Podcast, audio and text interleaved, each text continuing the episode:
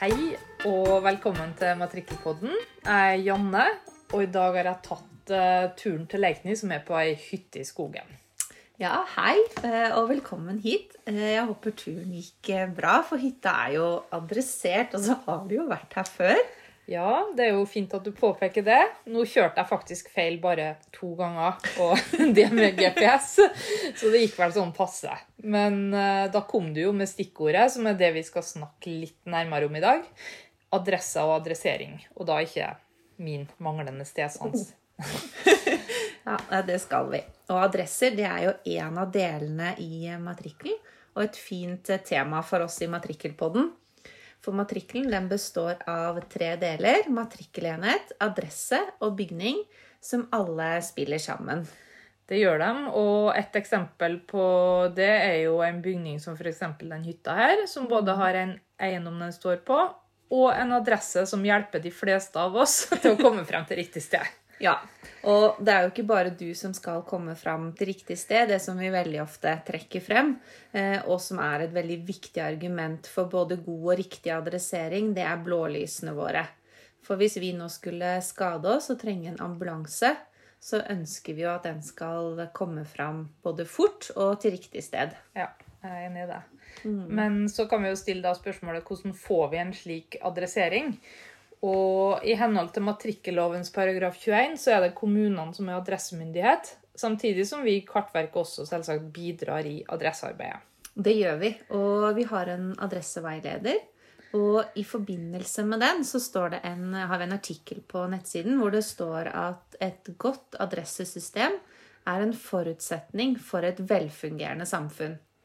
Adresseringen må tilpasses området som skal adresseres, enten det er tett og spredtbygde områder, bygningstyper, hvis det f.eks. er flerbruksbygg, industri- og institusjonsområder, kai- og bryggeanlegg, eller om det er setrer, hytter og leiligheter.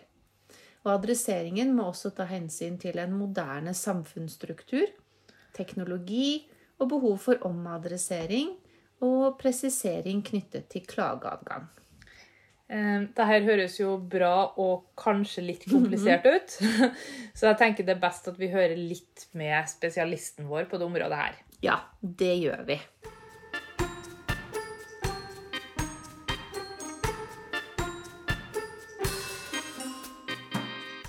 Hei, og velkommen til deg, Inger Margrethe Kristiansen. Takk for at du ville ta turen innom. Men før vi fortsetter adressepraten, kan du eh, kanskje si litt kort om hva du jobber med? Hei, og takk for invitasjonen. Jeg er fagansvarlig for adresser og har arbeidet med adresseprosjekt og adressering her i Kartverket i over ti år. Ja, da regner vi med at du kan litt. Vi, vi går for det. Eh, Kartverket har jo en veileder på sine nettsider som du har jobba med å utforme. Kunne ikke du sagt litt om det arbeidet og hva som er hensikten med en slik veileder? Jeg reklamerer gjerne for eh, adresseveilederen. Den foreligger nå i ei rykende fersk utgave som er håndbok på nettsidene våre. Adresseveilederen skal bidra til at vi har ett felles adressesystem for hele landet. Ensarta, gjenkjennbart, enten du skal finne fram eksempelvis her i Hønefoss, Vågå eller Tromsø. Ja, og det, det du jo, kom det jo med et stikkord. Det er jo viktig at det er likt i hele landet. Det stemmer. For å få til det eh, er det viktig med et godt verktøy som omtaler tildeling og vedlikehold av adresser, både for lovsida og gjennom eksempel på beste praksis for adressering i kommunene. Adresseveilederen har en omfattende beskrivelse av hele adresseprosessen i tekst og med fine illustrasjoner. Den er revidert nå i år i samarbeid med representanter fra kommunene, statlige etater, geomatikkbedriftene og ulike adressebrukere. Det er faktisk mer enn 50 personer som har deltid i dette her arbeidet. I tillegg så har veilederen vært ute på en omfattende høring, så dette er et godt gjennomarbeidet dokument til bruk for kommunene som adressemyndighet. Dette er jo en revidering av tidligere adresseveileder, og det er fint å høre at prosessen har vært både god og grundig. Eh, Men er det noe nytt i denne som du ønsker å fremheve? Ja, eh, de har adkomstpunkt. Eh, Fra 1.1 i år er det gjennom matrikkelforskrifta gitt mulighet for kommunene til å tildele adkomstpunkt knytta til ei adresse. Det gjelder i de tilfeller der adressepunktet alene ikke definerer adkomsten til adressa på en klar og entydig måte. Akkurat her og er nå, så var ikke det tilfellet. Her gikk det greit å finne fram. Men i områder uten et klart veisystem, slik som på øyer, hyttefelt og setre langt inn på fjellet, så kan det være verre. I andre tilfeller det kan være nyttig å ta i bruk adkomstpunkt, er der det er flere ulike kai- eller bryggeanlegg, parkeringsplasser, som kan gi adkomst til adresse. Da vil det være ønskelig å kunne angi det mest hensiktsmessige punktet for adkomsten til den enkelte adressa. Men hva med bruk av adkomstpunkt i mer tettbygde strøk? Er det aktuelt der også? Ja, i eh, enkelte eh, tilfeller så kan det være utfordringer knytta til adressering her òg. Slik som på industri- og institusjonsområdet. Og ser òg at eh, det er et økt press på allerede utbygde areal i urbane strøk. Og det førte ført til komplekse bygninger som blir utnytta til flere ulike formål. Slike bygg har f.eks. garasje eller parkeringshus under bakkenivå, næringslokal i flere etasjer over bakkenivå, og boligblokker eller andre typer flerbolighus på taket av næringslokalet. Og det samme gjelder i boligområder der det kan være fysiske sperringer som ikke synes på kartet, slik som bommer, hekker og hagemurer. Da kan adkomstpunkt være løsningen for å gjøre det enklere å finne fram. Ja. Men eh, sånn som nå i de her Vi er jo fortsatt i disse koronatider, som vi kaller det. Så har det jo vært en del snakk om å sitte på hytta og jobbe. Og da lurer jeg litt på om adressering i den forbindelse. Er det noen utfordringer som dukker opp eh, nå når det har blitt litt mer hyttebygging, kanskje, og folk tilbringer mer og mer tid på hytta? I utgangspunktet ikke. Eh, Det er og skal ikke være forskjell på om det blir tildelt adresse til ei hytte eller en bolig. Det er de samme prinsippene som skal følges. Eh, Det som kan være utfordrende, er adressering i området uten veinett, slik som jeg akkurat nevnte. Men òg der skal det deles adresso. Og på nytt så må jeg få reklamere for adresseveilederen. Den viser gode eksempler på adressering òg i slike tilfeller. ja, det har jeg jo sett. Det er veldig gode illustrasjoner i eh, den nye veilederen. Eh, En annen ting er at jeg har blitt informert om at det i enkelte gamle, etablerte hyttefelt eh, er tildelt det som framstår som veiadresse, men som ikke følger de alminnelige prinsippene for tildeling til adresse. Eh, Det ser ut som ei veiadresse er i enkelte tilfeller et adressenavn, men i stedet for å benytte de ordinære prinsippene for tildeling til adressenummer, så har de gamle numrene på hytta blitt benytta. Typisk tomtenummer. Jeg ønsker å rette en liten pekefinger til kommuner som har valgt en slik løsning, og si at det er veldig uheldig. I slike tilfeller bør de ta jobben med å omadressere, adressere i tråd med regler i lover og forskrift og vår adresseveileder.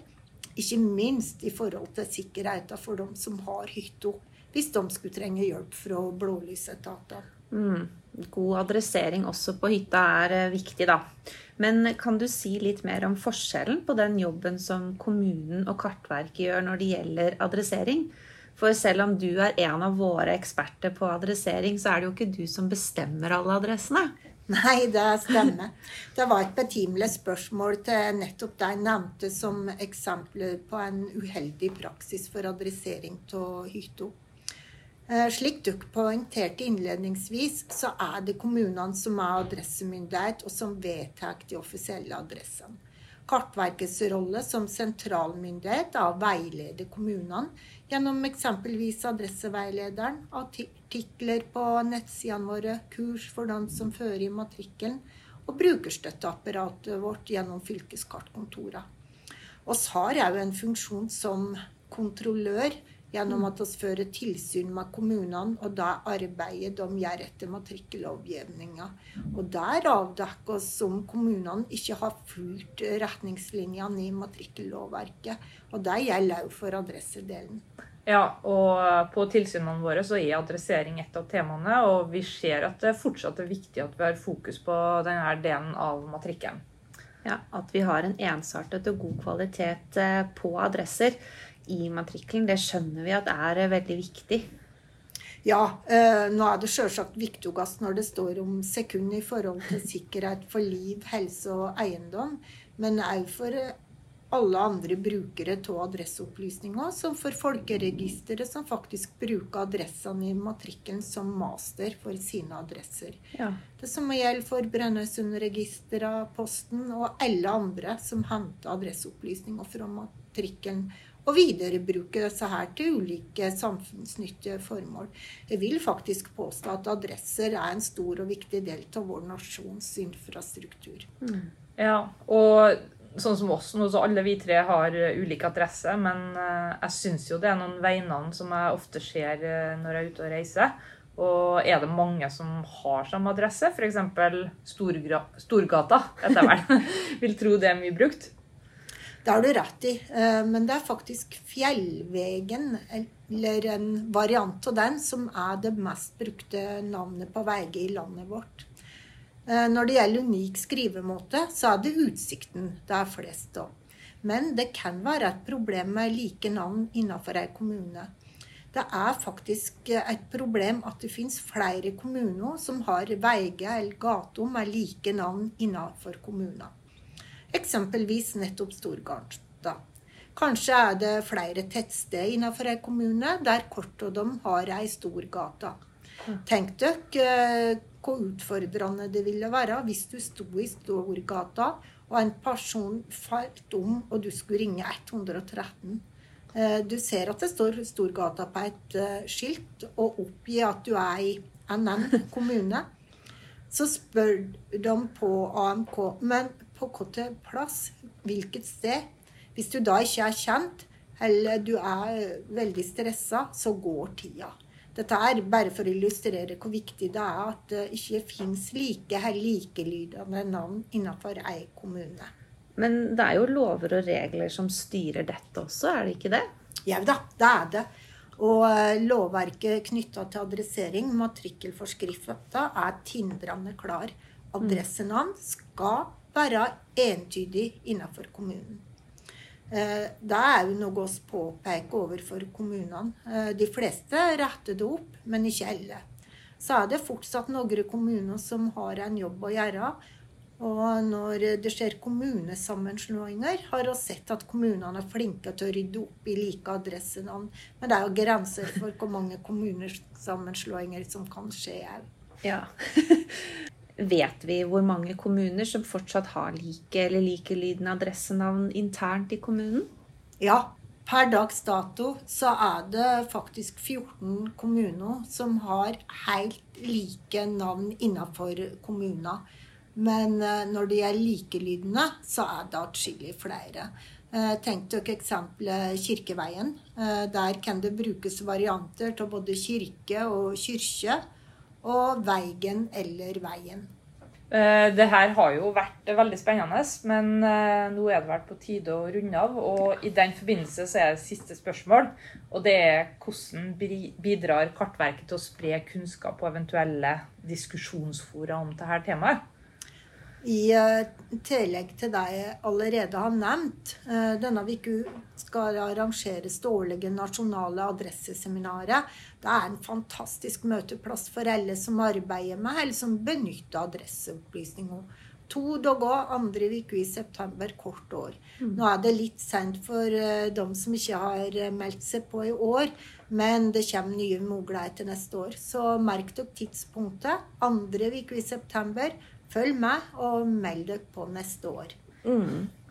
Da tenker jeg kanskje at vi sier tusen takk for eh, praten eh, med Inge Margrethe. Eh, Det vi ikke har snakka om, er hvorfor gata mi har akkurat fått det navnet den har fått. Og, men det får vi ta seinere. Ja. Så nå gjenstår det vel egentlig bare for oss å ønske lykke til med adresseringsarbeidet og si takk for i dag. Ha det bra! Ha det! Ha det.